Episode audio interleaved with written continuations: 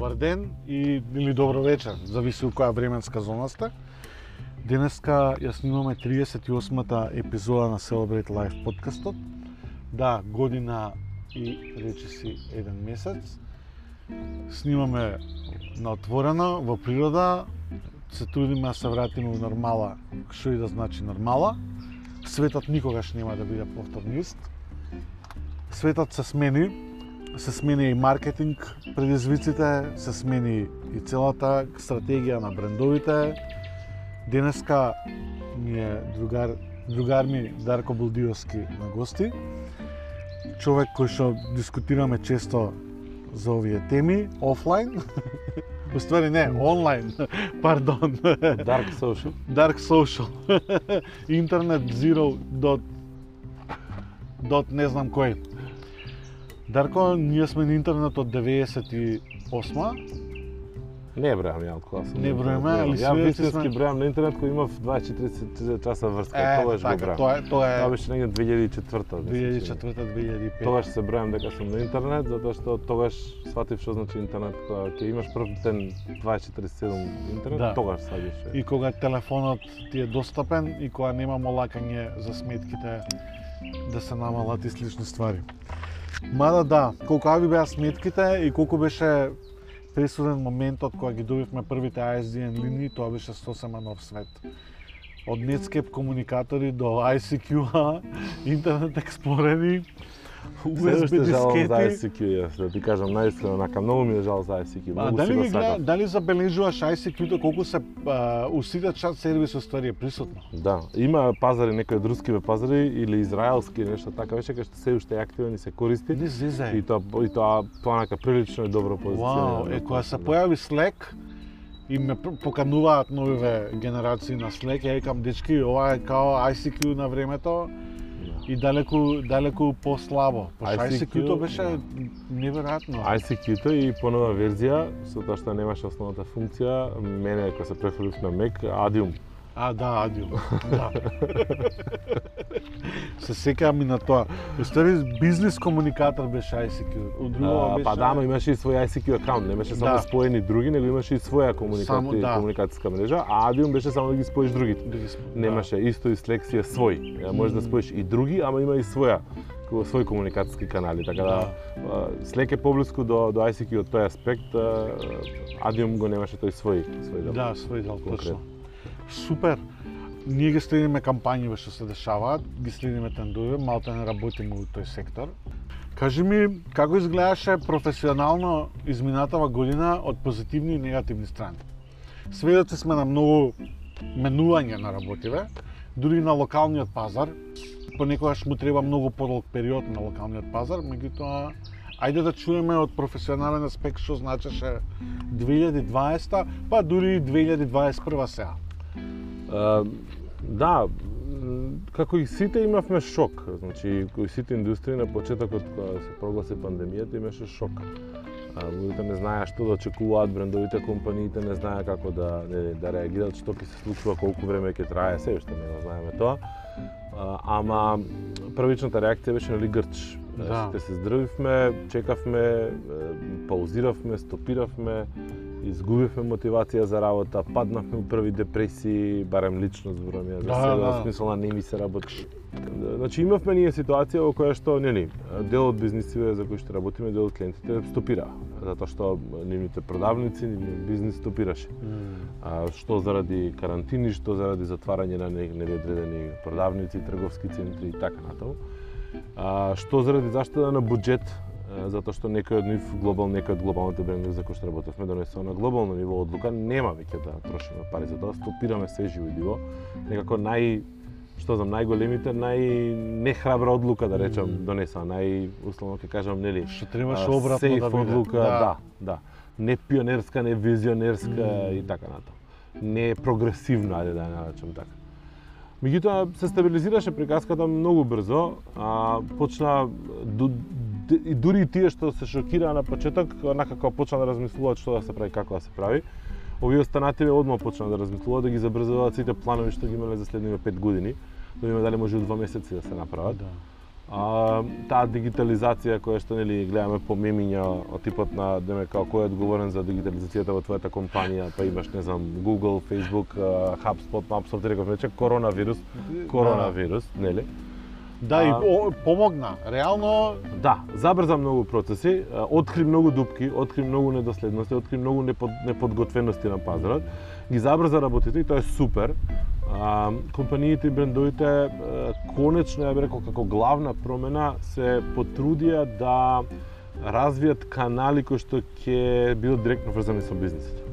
Значи канали кои што нема да зависат од од втори, трети, четврти раце да препродавачи, посредници, брендинг кампањи, нели градење на имиџи и слично, туку а, беа под притисок и се уште се под притисок, конечно да почнат да размислуваат малце повеќе на директна а, комуникација и на директна ефективност, на, на директно мерење на, на таа работа. Значи, кога тргнуваш да работиш свој канал, кога тргнуваш да работиш нели на продажба, кога тргнуваш да работиш е-трговија, кога тргнуваш да а, намалуваш а, нели а, кон- контакт со луѓе, се обидуваш да го подобриш секој останато искуство.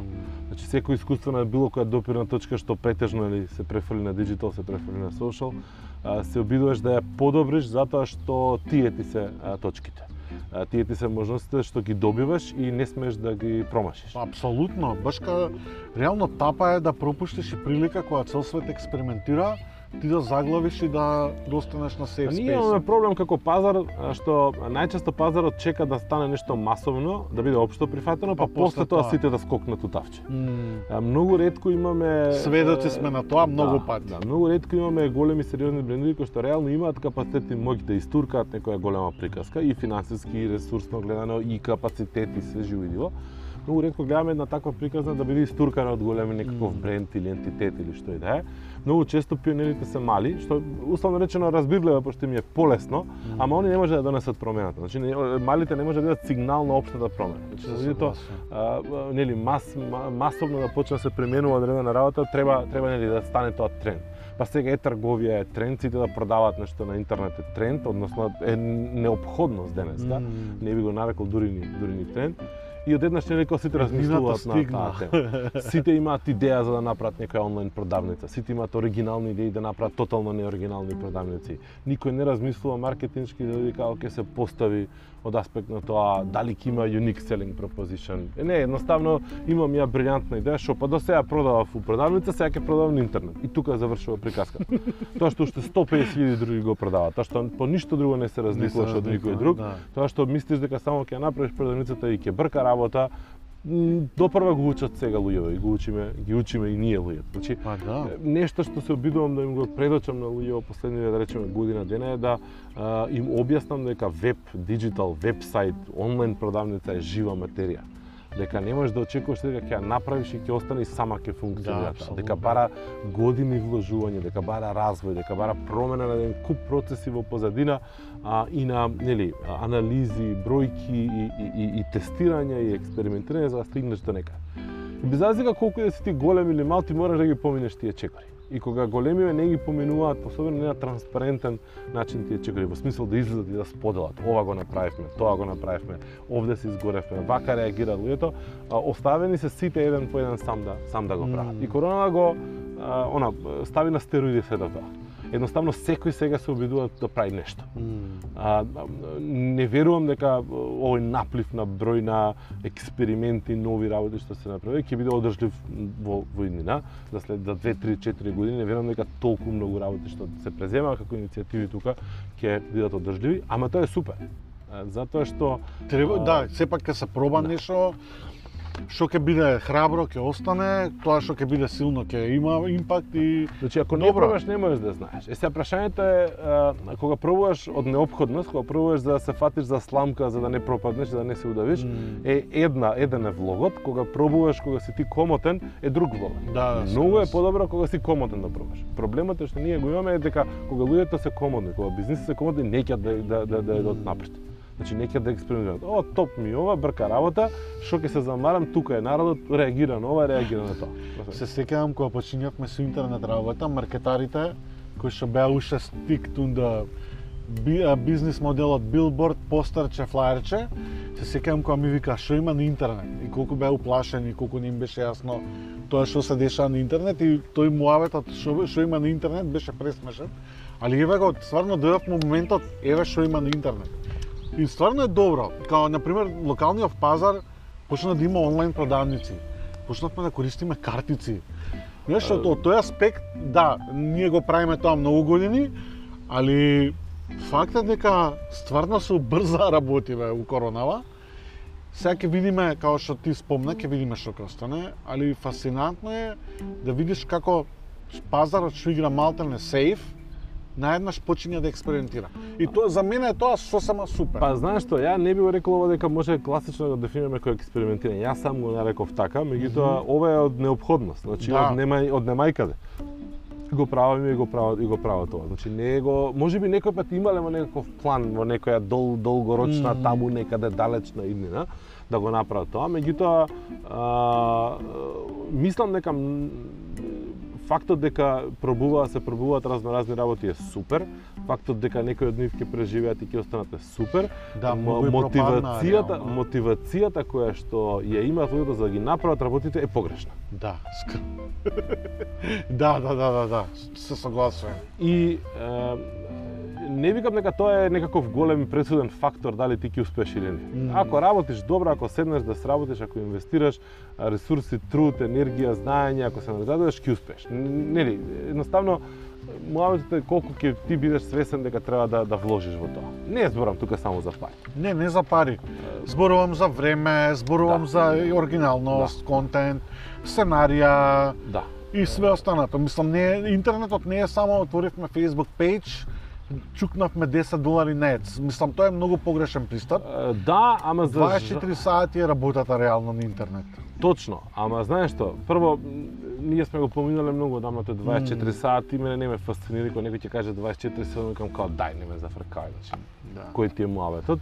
Второ, не ќе да биде 24 сати Да, на што интернет, зашто треба да имаш живот. Да, да, не мислам, да да имаш 20 сати. систем кој што треба да функционира автомати, полуавтоматски или автоматски, да, 24/7, ама тоа не значи дека човекот треба 24/7 да го обслужува, да го обслужува системот. А она што она што е различно е што а, значи имаш ти ситуации во кои што луѓето ќе стават 10 долари на Facebook, ќе го видат ефектот и се пресрекни и доволно. Значи нив им е тоа доволно. И за овој пазар во бројни сценарија тоа е доволно. Као, ке, доста. Еј, се што ако ставиме поише, ќе треба поише да работиме. И никој не размислува тука чека како да го автоматизирам процесот, како системот да, Да. го средам како што треба за да може да обслужи со Мм. помал број на луѓе повеќе. Не, не, не сме научени да работиме со луѓе, мануелна работа, жртви сме на, на тоа дека ни е ефтина работната снага. И едноставно, нели, девојчето што работело во бутик, сега ќе одговара на Viber пораки и ќе процесира по 50 нарачки на ден и она главата нема да знае кај, и ќе има Да. 10 грешки од денот од, од 50 нарачки и ќе ги кошта ѓавол и пол и на крај си мислиш дека си направил Бог знае што, ама не си Не си направил, точно. затоа што немаш никаква скалабилност, немаш никаква долгорочна одржливост, ти преживуваш. Мм. И сега, прашањето е нели до кога ќе се бориме да за преживување, кога ќе почнеме да размислуваме дека чеке може да направиме реално бизнис од ова. Имаме бројни примери и тука кои што направија бизнис од некои работи и коментираме, еј, види ги вакви се, такви се, онакви се, еј, ова го прават, тоа го прават. Па да, затоа што размислувале на скелинг, размислувале Да. на автоматизација, размислувале дека за кратко време не треба да работат истата работа цел живот. Сваќаш? Точно. И тие примери треба да се гледаат, треба да се слават. Тоа е моделот кој што ни треба. Не треба модел кој што едноставно само ќе ни ја реплицира комуникацијата наместо да влегуваш во дуќан, влегуваш во инбокс, сакаш. И добар ден, добар Да, ден. да, Ја, да, ако може ова, Ако а може. чекај бато да видам само дали имам на залиха, па да влезеш ти у магазинот, па да провериш, па да се вратиш назад, го имаме, оке. Кој број сакаш 45? А, чекај да видам ја дали, Дали има имаше 45? Да. И така. Да, апсолутно. да, многу интернетот е многу поише него онака 20 секунди одговор на Facebook. Така да многу подлабоко. Денес сме сведоци како компании се микроорганизираат со микробрендинг, како прават продужници, како многу подлабоко влагаат во целите ни маркетинг стратегии Више сериозни играчи се Оно што можам персонал брендинг, Да. многу има развој. Во таа насока може многу да може многу да посочам дека веројатно под влијание на XY фактори, можеби корона не е толку битен во оваа приказка, пандемијата, мислам дека конечно на пазарот му се случува сегментирање. Мислам дека можеме да дефинираме целни групи кои што се она релевантни вредни целни групи за кои што вреди да се Except Generation. Z. Па ја не Gen- Generation Z, X, Y, Y ми е bullshit, не знам дали смеам Не, тоа многу, да го знаеш зашто го не потенцирам ова? Пошто задниот ньюслетер Аха. Наташ имаше потенцирано Generation Z, очигледно е нека. Тоа ми беше пресмешен момент, за тоа го кажав. Ако не сте предплатени на ньюслетерот на New Media, ова е момент да се уклучите на Комуникација.нет. комуникација.нет за да се уклучите и да се зашлените на ньюслетерот. Еден интересен ньюслетер, го добивате секој петок, прилично смешен, забавен, многу up to date, има што да се слуша. Еве поздрав и до Наташа и до Generation Z. Наташа, не се киреј, ќе ти изнесам у град, ќе ги запознаеш Generation Z од друг аспект и секој ти стане јасно. Ја имам 37, али ја мислам дека сум Generation Z у моментот. Океј, ајде да тргнам малце од Corporates Муаветов, пошто пошто досадно е, го знаеме више истото тоа. Следете го Дарко на ньюслетер, има што да каже. Комуникација не постои повише од 10 години, 16. 16 години, Од 2005 март. 2005 поздрав до Сеат и до на Мите. Вие запознавте, ја по- започнавте таа приказна кога малтени немаше ни други блогови, ни ништо. Подкастот на комуникација е прилично до многу стар, еден од првите подкасти. 2011. Да, еден од првите подкасти што Да. почна. Реално имаше предходно, али као комуникација е као подкаст што обстана толку многу години. Идеше на радио, иде на интернет, идеше аудио, идеше видео. Сега ти направи цело студио за снимање подкасти. Па некака цело време си ја правиш причава да ти живее за да ти е фан. Да. Малте ни ја работам по 3-4 работи за да ми биде фан сето тоа. Ај малце комуникација не да го да го обелади. Значи ти беше официјален блогер, блогер на Ол, на Левеб конференција која ше huge. Беше. Да, беше huge. Имаше интервју со Гај Кавасаки пред да биде суперстар. Значи вие Брайан Солис. И Брайан Солис. Да. Значи вие младите луѓе кои што сега се палите на Гери Уи и на слични ствари, проверете ги овие И на. Гери му имам поставено прашање на конференција. Да, и ми има да, речено дета good question. That's a good question, да. Али тогаш уште не беа big names сите овие Е, фаци. Па за нас беа. за нас беа, да. ама worldwide не беа толку многу. Да, да. да. Од таму се роди желбава да се прави All Web, Меѓу другото, да. меѓу другото, пошто реално Web на Валканов е прилично сериозна конференција, пошто успеавте да донесете и big names су Да, сакаш ексклузива? Сакам ексклузива. Ајде, тоа е тоа. Како би рекле новинари, крв сакам за кликови. Значи, ако, не размишлям у таа насока. само ако ветиш дека во најавата секаде ќе кажеш дека има ексклузива во, во, во. Celebrate Live. Да, ќе пробам да врска. Значи, нас не сега тазе таа приказка и полека полека ја почнуваме. Значи, лани скокнавме Олвеб, да, Олвеб Да. се организира од 2012 година во Македонија, во Скопје од 2015 година во Тирана во Албанија. А, лани заради е, obvious reasons ја прескокнавме. Е, Пошто нелогично е. Мене ми немаше логика да направиме уште еден Zoom е, Да. настан. Преку глава. Киснеме сите на Zoom и ми нема поента, без разлика што сме digital, што сме social и сите тие ствари. Конференс верувам е битен момент тоа. за Да. networking, to Да. feel the energy, to feel the people, да се запознаеш, така да... Оваа година ќе има Олвеб, Честито. значи тоа е кој е ексклузивата, дефинитивно ќе има. Веќе и се работи на новиот концепт интензивно. Не знам кога точно ќе се објави, ама може би ќе има нешто објавено до тогаш. Супер. Значи Продолжувате one day или ќе правите? оваа година има нешто невидено до сега Супер. во план. Одлично. Оваа година обединуваме не два, туку три града У, во браво, едно, Браво. во еден настан. браво. Толку. Океј, супер, прогресивно, браво. Значи ќе има Allweb, тоа е allweb.mk, зачленете се таму и следете го. Тоа е една работа, втора работа е ќе биде различен од сите до сега Супер, и е, Allweb оваа година ќе има три града во приказката, не два. одлично. Толку сега за Не сега. откриваме наскоро, поише. Да, наскоро Ова ако повеќе. беше доволно занимљиво за вас, Да, иначе за оние кои иначе што не нема знаат, врска без разлика дали сакате маркетинг или не, ова е прилично интересна приказна, не е само маркетинг. Да, вие можете Не. да слушнете up to date кампањи, модерни, али луѓето што доаѓаат таму се толку инспиративни што може да ве наведат и другачие да размислите. Имате некои преда... од, од, од, гостиве стајано на YouTube по целост има, или не? има, има, има. Има од постарите години има доста, последниве 2-3 години ми се случуваше еден синдром да кој ќе ги направиме ние видеата, им ги пуштаме на говорниците да ги прегледаат, да ги видат и да, ни одобрат и да речат као, абе види ја од ова живеам на другите конференции го зборувам малку на истото. Делчиња може, ама цело не. И ми се случи неколку пати така и без разлика што стојат видеата таму unlisted некаде скриени Мгм. на YouTube а не ги а, не се де добар дел од нив не се пуштени. Меѓутоа добар дел се и се и јавни, се и достапни. Добро, разбитливо Може би е. сега после целиот пан, па- после цела пандемија и после промена на таа индустрија и преметување на, на тој момент со настани и слично, се сменија и темите, може би ќе ми дозволат да ги објавам, затоа што веќе темите се променети, па не е тоа толку проблем.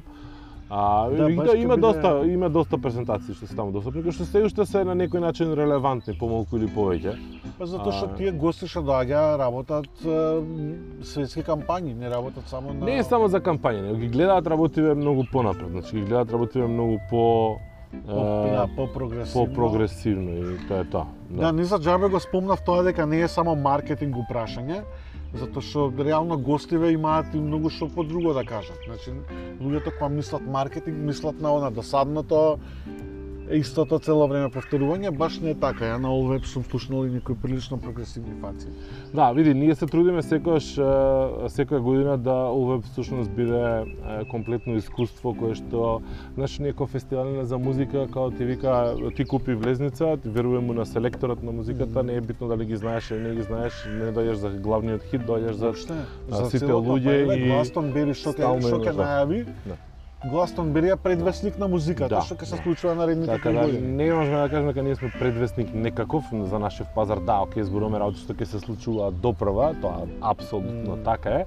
Ама го имаш моментот на знаеш како дури ние не одевме ни онакви детални описи кои што ќе зборува, што ќе како зборува, пошто го сакаме моментот на изненадување, го сакаме моментот на вау, го сакаме моментот на на еј ова беше стварно кул, еј не очекував од овој вакво нешто и така натаму.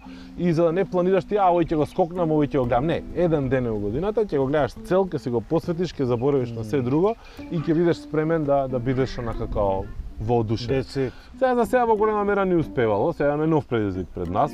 Здравје Боже, ќе Па видиме. добро, тоа На е поентата. Па ја мислам дека цело време ја и ти луѓе што ги знам у наш циркал креативни дека цело време си правиме челенџес. Дури некад свесно удираме со глава од зид за да ги направиме работите up to date, а да дојдат после 5 години кај нас, така да тоа е тој челендж што цело време си го поставуваме. Може е лош, не викам дека е добар, затоа што ни се покажува дека пред време ги правиме некад стварите. Прашање е колку можеш да се смениш себе си како човек. плюс. Кога те, дали тебе кога ги прават сите тебе ти се интересно да ги правиш тоа? Да. Не ти се. Не ти се. Ако ги правиш само за пари, окей, ама не ги правиш Не ги правиш за, за ги правиш за свое задоволство. И, и јас го имам тој тој моментум низ годините и таа карма да ја наречам, кој што а, мене кога ми се интересно да ги правам работите, дури и глобално некој пат знаат да, да, Да. не бидат се уште развиени на да, тоа ние ниво. Инстаграм работевме кога Да, онака да, е, е. имаше 50 корисници И, само, така знаеш, да. кога некој сега ми спомнува кампањи со инфлуенсери, кога секоја кампања вклучува инфлуенсери, све онака као да, окей, ќе го сработиш, не е проблем, ама не е тоа да паѓаш у несвест, ме свегаш. Значи рутина е, шема е, воспоставена пракса е, добра, лоша, небитно, ме свегаш. Ама едноставно, знаеш, онака тоа се работи кои што се работат со години, кои што сме ги работеле со години и не дека ние нема да ги сработиме се и не знаеме да ги сработиме, ама нема не не ми не ме возбудуваат мене, не, не Да. ми не ми задоволуваат потребата да направам нешто различно ново, да сакаш. И цело време сме во така некоја потрага да туркаме, цело да време буткаме, да правиме нешто ново, да. А, знаеш дека нема да заработиш тоа. Знаеш, меѓутоа тоа е тоа што те, те храни со енергија. Те фрустрира на моменти Па, така е. зошто не може да го пробиеш, кај заглавуваш. Гледаш други деца куп на 25 години прават огромни бизнеси, дропшип, мопшип, онака стоиш ти ко будала, гледаш, си кажеш добро, шо грешам ја, да. кај правам, зошто не можам да го А направам. и го правиме ова? истиот ризик, Све правиме исто, ама не знам што е разликата. Па види, има разлика. Има значи, разлика затоа што целта некад и- која ти е. И не размишляш. Значи, ако ти е целта бројката, задоволството да ги направиш Да. парите, ќе седнеш и ќе го изрикуваш, значи изрезикуваш. Товарот позади тебе. Значи не можеш ти на 23-4 години со малтене минус еден товар у, у твојот газ, тоа кај нас само може да се случи на тие години да нема да немаш товар. У било кое друго Да. развиено општество веќе си на дебело у кредити. Да, да, да, да. Затоа што стартап културата е кај нас у лер. Да, и можеш да ризикуваш. А, и а, нари, поривот ти е таков, и времето ти е такво, и можеш да седнеш и 20 сати да работиш на ден. За 15, 10 сати да работиш на ден. А, сега ние не дека не можеме, не дека не работиме, наставно концентрацијата ни е различна, фокусот ни е, фокусирањето ни е потешко, ризикувањето ни е потешко и знаеш, наставно може може да пробаме да промениме некои работи. Јас се обидувам континуирано да поставувам предизвици. А, еве сега пред мене уште еден нов на тема хоби кој што има сериозна задача. Апсолутно. А we all know that hobby doesn't pay bills. А, И тоа Али тоа. да, ама од друга страна па совршено е кога хобито ќе почне да се исплаќа себе си, не не Прекрасно. билс.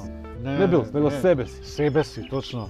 И тука си у нека зен позиција која што те прави онаков као све друго е кул. Тоа ми е сатисфакцијата цел живот, знаеш? И јас сега без се разлика- да го направам. Да, без разлика на заработување во пари и преживувањето, овие хобијава некако ме движат цел живот. Видите, за тоа и постојат, за тоа ги имаме. За тоа пак ќе кажам, значи супер е хоби као хоби да уопште не ти носи приход, но да ти носи Мм. задоволство, среќа, релаксираност, нели, сталоженост, смиреност во животот. Меѓутоа, ако стигнеш ти а, без многу многу да речеме она промена во својот живот, да хобито ти се исплаќа само со себе, е тоа мислам дека е уште по Преако. онаков момент на као, еј, This is... Топ. Да, да, Тоа да, е тоа. скроз. и се нормално следниот момент си кажеш, добро, чекај дали можеме ја да живееме од Ама ова. чекај, да, ама знаеш што, ајде да те прашам нешто. А што ако стане момент дека ќе живееш од тоа? Дали ќе биде исто толку забавно и интересно? Мене тоа ми е цело време кликот. Не знам. Например, Јас кога почна надевам. пред 10 години да правам облека, ти цело време ми викаше, ај бе, step further, ајде понатаму. И ја цело време ти викам, не бе брат, као this is fun, this Да, is for да, pleasure, да, да. знаеш. И никад не отидов step step further затоа што никако мислам дека ќе ми изгуби страст сето тоа и уште го мислам. А, Кој е твојот став? Пошто Е. факт е дека хобијава не не ги плаќаат сметките, ги правиме за да ни биде нас Нема да добро. изгуби. Ја мислам дека кај мене барем нема да изгуби страст, ќе ти кажам зошто. Затоа што значи јас раководам со агенција која што постои 11 кусур години. А, и а, Да, New е една од првите диджитал агенции Прва која диджитал дури агенција никад не се ни рекламирала дека е диджитал агенција. Не. Као секад била сервис for, for people. Без разлика што сме работеле, дали сме работеле Да, видеа, да. подкасти, whatever, као сервис for the people било. Значи да, наша експертиза е диджитал, е social, меѓутоа нормално. Тука сме за да помогнеме на оние што им треба. да. Значи, и New Media од сам почеток и до ден денеска си има условно речено сайт проекти кои што се онака као музи, као Да. ај ај ќе го правиме ова пошто ни е кул ние да си го правиме, Мм. пошто ние уживаме у тоа, пошто знаеме дека нема да има тука нешто многу пари, ама ќе ни биде задоволство, ќе ни биде вентил, ќе ни биде шоукейс, ќе можеме Да. да. да го покажеме и ќе кажеме е ова сме, пошто ја доста предавам, доста зборувам на Мм. разноразни едукации и многу често не можам клиентски акаунти и работи Не да можеш. издавам и да кажам, да, не е да. ни етички, не е ни Ама соодветно. баш кад не е окей, да. Да, а, иако со нормално дозвола да пар ситуации сме го Мм. правили тоа, ама вака на своја си немаш проблем. Значи, еве ти аналитикс, еве ти, не знам, билс, еве ти нарачки, еве ти сајт, еве ти комуникација, еве ти дизајн, еве ти видеа, значи, не, не, споделувањето ми е онака као крв и го правиме тоа од почеток, од, од комуникација не те, да речеме, виновен за сето Да. тоа и а, со ups and downs до ден денеска не престанува. Да, и- Сега не сме у даунс, сега сме у сериозни апс. Среќа. Па добро, после 10, 11, 16 години. Ама а, тие се тие моменти кои што и не мислам дека не мислам дека ќе ти убие ќе ти губе задоволството ако почнеш да заработуваш тоа, затоа што а, напротив, значи тебе ти требаат тие за да те одржи на тоа ниво да можеш да го работиш и останато. И сега ние на пример кога работиме за клиенти, ни секој пат бараме да имаме клиенти кои што се онака како машинерија и клиенти кои што ни даваат простор да да да се изразиме нешто креативно, да направиме нешто што ни е мерак, нешто што ќе ни направи нас горди. Значи не е технички да сработиме нешто е леле и види колку е добра слика или колку е добро видео. Не, него нешто што тоа. мене ми е Да. окей, сакаш. Значи лично ја верувам во тоа. Нешто што ја ќе сакам лично на мојот Facebook, Instagram, Twitter, whatever, да го споделам. сакаш. Exactly. Пошто е, не се не сме тие кои што се фалат па леле чеке се овој клиент, тој клиент, Не, овој клиент. никад. Не ми е тоа мене лично. Нели, као начинот Да, на- поише верувам и ја и вие у нашите лични приказни што ги работиме него у корпорейт. Па види, ја верувам во некои работи што ги работам и за клиенти. И тоа сериозно верувам и сум убеден. Така Дури и променивме еве овој период со корона и малце претходно, променивме некои и бизнис релации. Значи влеговме партнерски со со некои од клиентите, не да ние ги обслужуваме нив, туку да работиме заедно. Што е супер. И е, тоа нас ни дава екстра мотивација да се туркаме и себе напред, да го туркаме бизнисот напред и едноставно да бидам фокусиран ја на резултат. Значи да, да, да знам дека ова сум го направил. Дај ми тие одврзани раци, дај ми ресурси, дај ми прос- пристап за да ја можам да ги моделирам, менувам работиве, да нели, направам тоа што мислам дека треба да се направи. А, и ако успеам, супер, ако не успеам да видиме кај сме сгрешили. Ако има некој што знае боле, бујрум. Така е. Така да, од, Па добро, тука е не компромисот некаде. да. Не, не верувам дека ако тоа што те, знаеш, тоа што сакаш да го работиш ти исполнува, ако почнеш да работиш за пари, дека ќе ти го убие задоволството. Да. Напротив, мислам дека може Да, само да го зголеми задоволството, Да. пошто гледаш дека е вредно. Гледаш дека е пазарно оправдано. А, и тоа не значи пазарно оправдано да стане она мас, М. него едноставно значи има луѓе категорија целна група која што го препознава и ти вика нешто на на конференција или на настан или на улица или у парк и да знае еј го видов тоа топ вие. Да. Толку е многу често доволно. Тоа, е- тоа е најголемата сатисфакција, знаеш? Кој ќе ми пише некој мрчатор еднакво на мене дека нешто му е добро, викам оке, чим овој го апрувнува тоа, онда ќе све оке. Да. Да, значи хобијава се многу битен сегмент и те како ги спомнавме сите, Декал е задниот хоби бизнис, така? Или уште некој има на пат? А, има напад. има напад неколку. не, Значи, за еве. вие што не знаете, еве фри е ту моментов, Декал е продавница за да си направите или свој кастом стикер или веќе од предложените таму што што ги има на сајтот За лаптоп. за лаптопи. Стикери за лаптоп. И ако некад влезете у некоја конференција и видите луѓе со милион налепници, да знаете дека тоа прошло од Декал.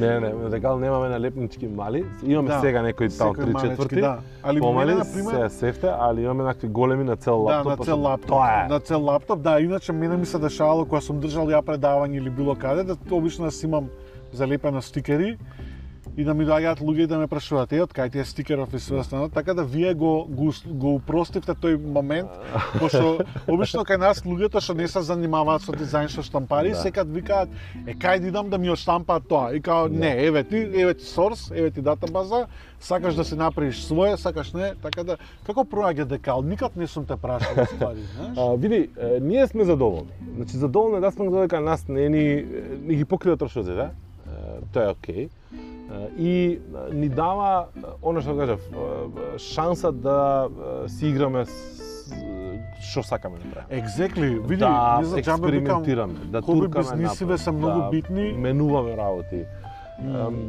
Може би може многу подобро. Не велам не. А може би ние можеме многу поагресивно. Не велам не. Не знам и што е поагресивно, Па не сме ние агресивни, нити у Не, промоција, не сме нити нешто ужасно многу на реклами форсираме.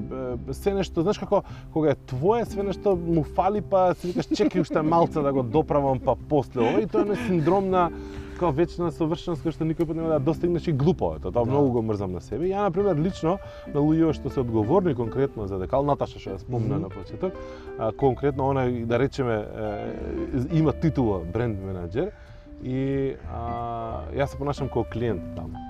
И као одобрувам или не одобрувам и на крај им давам као слобода. Као, окей, дај, направите. Као, не е битно дали ми се свиѓа или не, дали на сите им се свиѓа или не, пуштате го. Ако реагираат Ако луѓе, натка реагира, окей. онда ке окей. Натка на све ќе реагира. Ако натка реагира. А, така да, оне е интересно што, например, ние очекувавме гик култура да се налепи на тоа, очекувавме геймери, очекувавме тек луѓе, да да се налепат на тоа, искуството до сега е спротивно. Обратно. Што е супер. Фешн, Е, Тоа е добро. девојчиња, жени у години, Супер. по, средовечни, знаеш, Знаеш, какви, какви лоши, по- да, какви а, лоши предпоставки Кога уствари. ќе си помислиш какви дизајни треба да ставиш, на почетокот почнавме со не- неколку различни категории, 7, 8, 9, збогатувавме. И сега гледаме, анализираме што се нарачува, кои се нарачуваат, збогатуваме верзии од тие такви дизајни, isfрламе некои, гледаме кој ќе излезе добро на принт, кој не излегува добро на принт, сакаш па коригираме малце некои бои, нијанси, комбинации, свашта. И а, тоа е тоа е доста окей затоа што многу често имаш нека представа за пазарот, имаш нека као слика и кога ќе дојде реално да се соочиш со со со пазарот, сваќаш дека врска ти нема предпоставка. Така Да. да, знаеш, тој момент на тој момент на е, предпоставка затоа што јас сум тој кој што нарачувал во Америка таков декал. Прв. Се сеќавам, да, се сеќавам дека ти патуваше каст, кастом нарачавме два декали за у канцеларија за лаптопи, ги ставивме тие два декали. Остри први беше еден, па постана не, еден нарачавме. Еден беше Да, за џаџа нарачавме еден, па после тоа направивме после тој направивме За два нанатка. тест тука. Не, не, тоа е покасно. А не, тоа се стикерите за со скрет ти правиш му. Не, не, не, не, тоа се стикери после направуваме за декали цели. И да зборувам да се смеам. Да, звон. И направивме тест тука за нас и од кога ги ставивме тие на компјутери, почнало да реагирате вака, на предавање, на секое предавање. Да. Е, од кај тие имали за мене, кај да си нарачам, од кај тие имали и од тогаш ти кажеш добро, окей, кај ќе се наđеш, кај ќе се наđеш, кај ќе се наđеш. Еве тука. Сега ќе ти кажам кај се наđеш. процесот. Еве го, сваѓаш тука можеш да си да си нарачаш. А интересно креативната заедница ја нема. Затоа што креативната заедница или више си има само направено, Е, или едноставно може би го подценува се. Не тоа. знам, значи не знам што кажам. кога го пуштивме, намерно не пуштивме од одма со кастом дизајн да се пушти да се да пуштиш принт. Го имавме спремно како функционалност, рековме ај нека тргне вака, пошто не ни беше тоа главна функција. Нека е, прашуваа луѓе, која кима, која кима, кимате ли, кимате ли, кимате ли. Не, неколку месеци подоцна го пуштивме, дознаа луѓе, не дека не. А, не дека нема нарачки, има, ама не од тие луѓе што очекуваш. Да, очекуваш дека дизајнерите нема да дизајнерите, нема луѓе креативци, брендови, толку многу, знаеш, такви неки што очекуваш дека би го правеле Па тоа. реално ја имале. дека ќе ми кажеш дека тие се уствари луѓе во. Нема. Нема, ги нема. Многу интересно. И она што ни се случува сега, имаме кастам нарачки, и по самиот факт што ги враќаме три пати назад да им кажеш дека 150 дпи треба да биде припремата, Да, не. односно резултатот да биде три пати поголема, сваќаш дека они не се е, е, креативци, технички лица, дизајнери или нешто, Да. да. сакаш. И дури тие што ги имаме, а ги имаме, само индивидуално како број на нарачки, мислам дека е у топ 2 или 3 Мгм. као кастом дизајн, е, као поединечни производи, ама сега тоа, тоа не е еден, него се многу, секој се да. Ама интересно е тоа, ме сакаш. Значи ние очекувавме, пошто тие не прашуваат цело време. И го понудивме и ги снема. Чудна работа. Не знам. Е, стварно не знам. Или Така да- се нарачале Па не знам сега, више не ова не е нова работа, Да, бе, за као, лаптоп да, се да, да. 15 години, М. сам а think, не е нешто дека ние топла вода сме Не, измислили не, реално. апсолутно. Да, Види, доста баш ка интересно што измислено, денеска све измислено, само Да, треба да се не да, примена, да, не се да, ова 40 или 30. Нешто ново што го пуштивме сега, уште не сме го форсирале многу, ние та- апла тазе не сме го фаворизирале доста, ние за компании исто, како компанијски, имавме пар такви нарачки. Она, да брендираме лаптопи на фирма, 4, 5, 6, Што е различни, 10, кастом дизајни, кастом ново причи, календарче, ново, ти реков ново рече. календарче, стикер за лаптоп. Па да, знаеш како, ти дава некоја чувство на припадност, ти дава некоја М. чувство на уникатност, ти дава некоја чувство на, нели, поед, она издвоеност и така Да, натаму. да, скрос. А, особено компании кои што имаат вработени кои што се со своите компјутери цело време негде на те, пак кажам пандемија дома сме, ама мислам и дома се луѓето, ама имаш ти ситуации во кои што се не знам по состаноци, по конференции, по на презентации разноразни и слично. Така да не е дека е нерепрезентативен Апсолутно. материјал. Апсолутно. Каков ќе биде светот после пандемијата? Ај тоа да те прашам, пошто си купи мотор пред две години, возеш у Европа, онака се скрши од возење цело пролет и лето, И лани те бетонираше, уствари лани возаше шо низ Македонија. Воза. Брдесен зглед. Како како ти делува дека ќе заврши пандемија ако заврши, а нема да заврши? Ај тоа да Па не знам, знаеш како како ќе заврши. Е... И зашо купи мотор? Чекај, пред тоа да го разјасниме. Пошто факт е дека работиш многу, како до идејата да се купи мотор, да ја исто откачив на точаци, возев точак цела лето по водни свестари, сакам да се купам мотор, апсолутно и тоа, уште кога го купи ти моторот, ја одма почнав да зборам со тебе за мотор. Се надам дека ќе се купам и ја мотор во блиска иднина, или летово, не знам, who knows. Значи, што беше пресудното и кој е таа момент на слобода што ти ја долови моторот? Нема да ти кажам. Нема да ми кажеш. Нема да ти кажам, знаеш зашто нема да ти кажам? Personal experience? Не, дека не, не, не, не, да не, не, дека тоа ми е содржина на првото видео за новиот YouTube канал. Аха, значи идеш на подкаст. Значи Дарко почиња да блогира е, на YouTube уствари. И како се вика бе тоа видеокаст? YouTuber ќе стана. Ютубер. Океј. Хочу да будем YouTuber. Ма океј, што? јутјубери е супер професија, со оглед Да. на тоа што телевизиве многу е Не можам да го кажам дека е влог, пошто влог ми е сега у- као дел од YouTube канал имаш влогови кои што се на како Daily Да. Journal. Не можам да кажам дека ќе биде е, подкаст, пошто подкаст е као муабети, а, а ќе биде YouTube канал на кој што ќе има од се ова што спомнав и уште плюс други ствари, ама затоа што веќе имав еден обид да го снимам првото видео со зборување и баш го зборувам се ова што ме праша. Аха, супер. А, и, ама не ми беше успешен обидот, не сум задоволен од обидот. Ќе го преснимам неделава уште еднаш.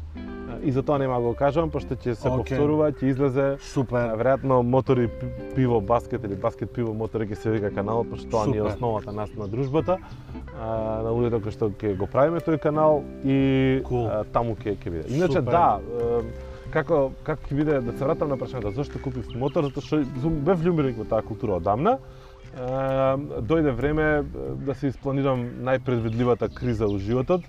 А, нели човек што кризни комуникации толку години гријата е најпредвидливата криза да не си ја Да. предвиди. Криза на 40 Јас си купив мотор The best. и тоа е тоа. Тоа е тоа, или ќе леташ со параглайдер, или ќе возиш мотор, сега нема друго. Има, Или- има, има други опции што се по-непожелни за Да. домашните. Поздрав за Марија. А, така да тоа е тоа е приказката. Како ќе изгледа светот после? И Е, шо, да, шо мислиш, шо научивме од пандемијава? Исто и тоа ми е многу баво. Пошто реално подкастов која почнав да го снимам, беше ствари одлика на све она што ни се случило и тоа беше Да. крикот. Антропологскиот пристап на човештвото во овој момент што све нас не се прво деша. научивме дека многу луѓе се се посебични од тоа што се презентираат. И тоа плюс. Второ, научивме дека м, сме како човештво далеку помалце моќни од она што се умислуваме дека сме. Што е исто фантастично. Да, пошто јас сум почитувач на природата и мислам Да. дека нели кога е далеку помоќна него Апсолутно. Нели, тоа дори и самите ние како луѓе сме несвесно колку да речеме има моќ или знаење или капацитет у нас. Али тоа е друга филозофска тема. И трето, е, мислам дека што научивме, не знам што научивме друго, вајде дека можеме и вака. Е, дека има не- има многу граници што може да ги пробиеме кога би ќе бидеме наместени да ги пробиеме. Ќе полудиме добар дел од нас од дадена ситуација, ама тоа е Да, се- цената. Се појави многу нова страна на луѓето што ги познавам и понака на И- моменти. А, Како би изгледало кога ќе се вратиме назад, ќе ти кажам преку еден многу скорешен пример. Во понеделникот беше финалето, вториот ден од финалето на светскиот шампионат во снукер. Аха, Турнир окей. кој што спорт кој што ако може да се нарече спорт, нека не го вика тоа така, ама не Евроспорт иде така да фако. Спорта, да. И Кој што го сакам и го обожавам. пандемијава, да. Финалето и целиот турнир се игра во Crucible театар во Велика Британија, тоа е спектакл невиден, она као шлак на цела година. Година за спорт кој што е сериозно многу под влијание на психички расстройства и на а, психички оптеретувања на самите играчи. Годинава беше, мислам, бе- бе- без пандемија. Со пандемија е пута не знам колку. Тоа, затоа што е таков спортот спор, индивидуален, психата тепа и слично, бара концентрација, бара посветеност, бара репетитивност и бла бла бла, да не навлигам. И оваа година целиот турнир тој, особено финалето, се изиграше со публика. Финалето беше со полна сала. Вау, стварно?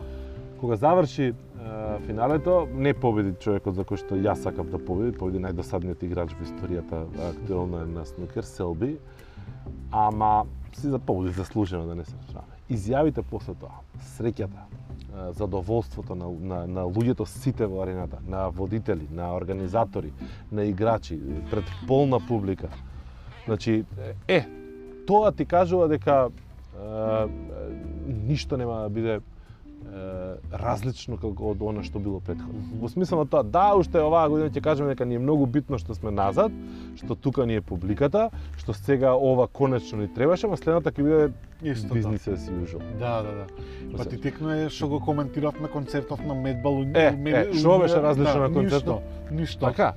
Така да тоа дека момент светот никој пат нема да биде, нема да биде ист, па што ќе знаеме дека можеме да купиме на интернет, па што ќе знаеме дека ќе може да место да замараме некој да идеме не знам у дуќан да го направиме ова, ќе знаеме дека можело у банка, иако не баш кај нас толку многу, да не мора да идеш на секоја втора работа на Мада шалтер. морам да ти кажам дека све што требаше да направам корпорейт од аспект на paperwork, све ми се завршуваше на интернет и Ти многу бев пресреќен. коцка. Многу бев пресреќен за тоа. Стварно. Супер. Добро. Дарко 156 на Твитер, Дарко 156 на Инстаграм, Дарко Булдиовски на Фейсбук, комуникации.нет да се зачлените на ньюслетерот. Што музички ти се допадна минатава година? Тоа не те прашав, а ти цело време слушаш музика и што ти се допадна? Устори, што ти што ти го задржа вниманието овој на минатава Dark година? Tranquility Momentum. Океј. Момент, не моментум, момент. Мгм. Новиот албум на Dark Tranquility, за мене омилен бенд, сега чекам и DG да изваат албум, не ја чекам дека тој ќе ме воодушеви толку колку Dark Tranquility. Го следев целиот процес како никогаш до сега, стварање на албум, пошто сега Мгм. бендовиве си пуштаа и она од студио, муабети, Да, е, лични. тоа е тоа. Многу беше интимна причи, коронава, пошто да. стварно се донесе... доближиш до многу Да. бендови, што предходно може и не сум имал време нити Мм. желба нити ништо, може би под влијание на Spotify, под влијание на пандемија, под влијание на ствари, веројатно и поради недостаток на концерти. Знаеш, па се обидаш да го надополниш тоа искуство малце од малце, не е исто, ама некако да замениш со нешто. А, се бев дел од процесот, се почувствував прв пат како дел од процес на правење на албум на бенд, така го следев.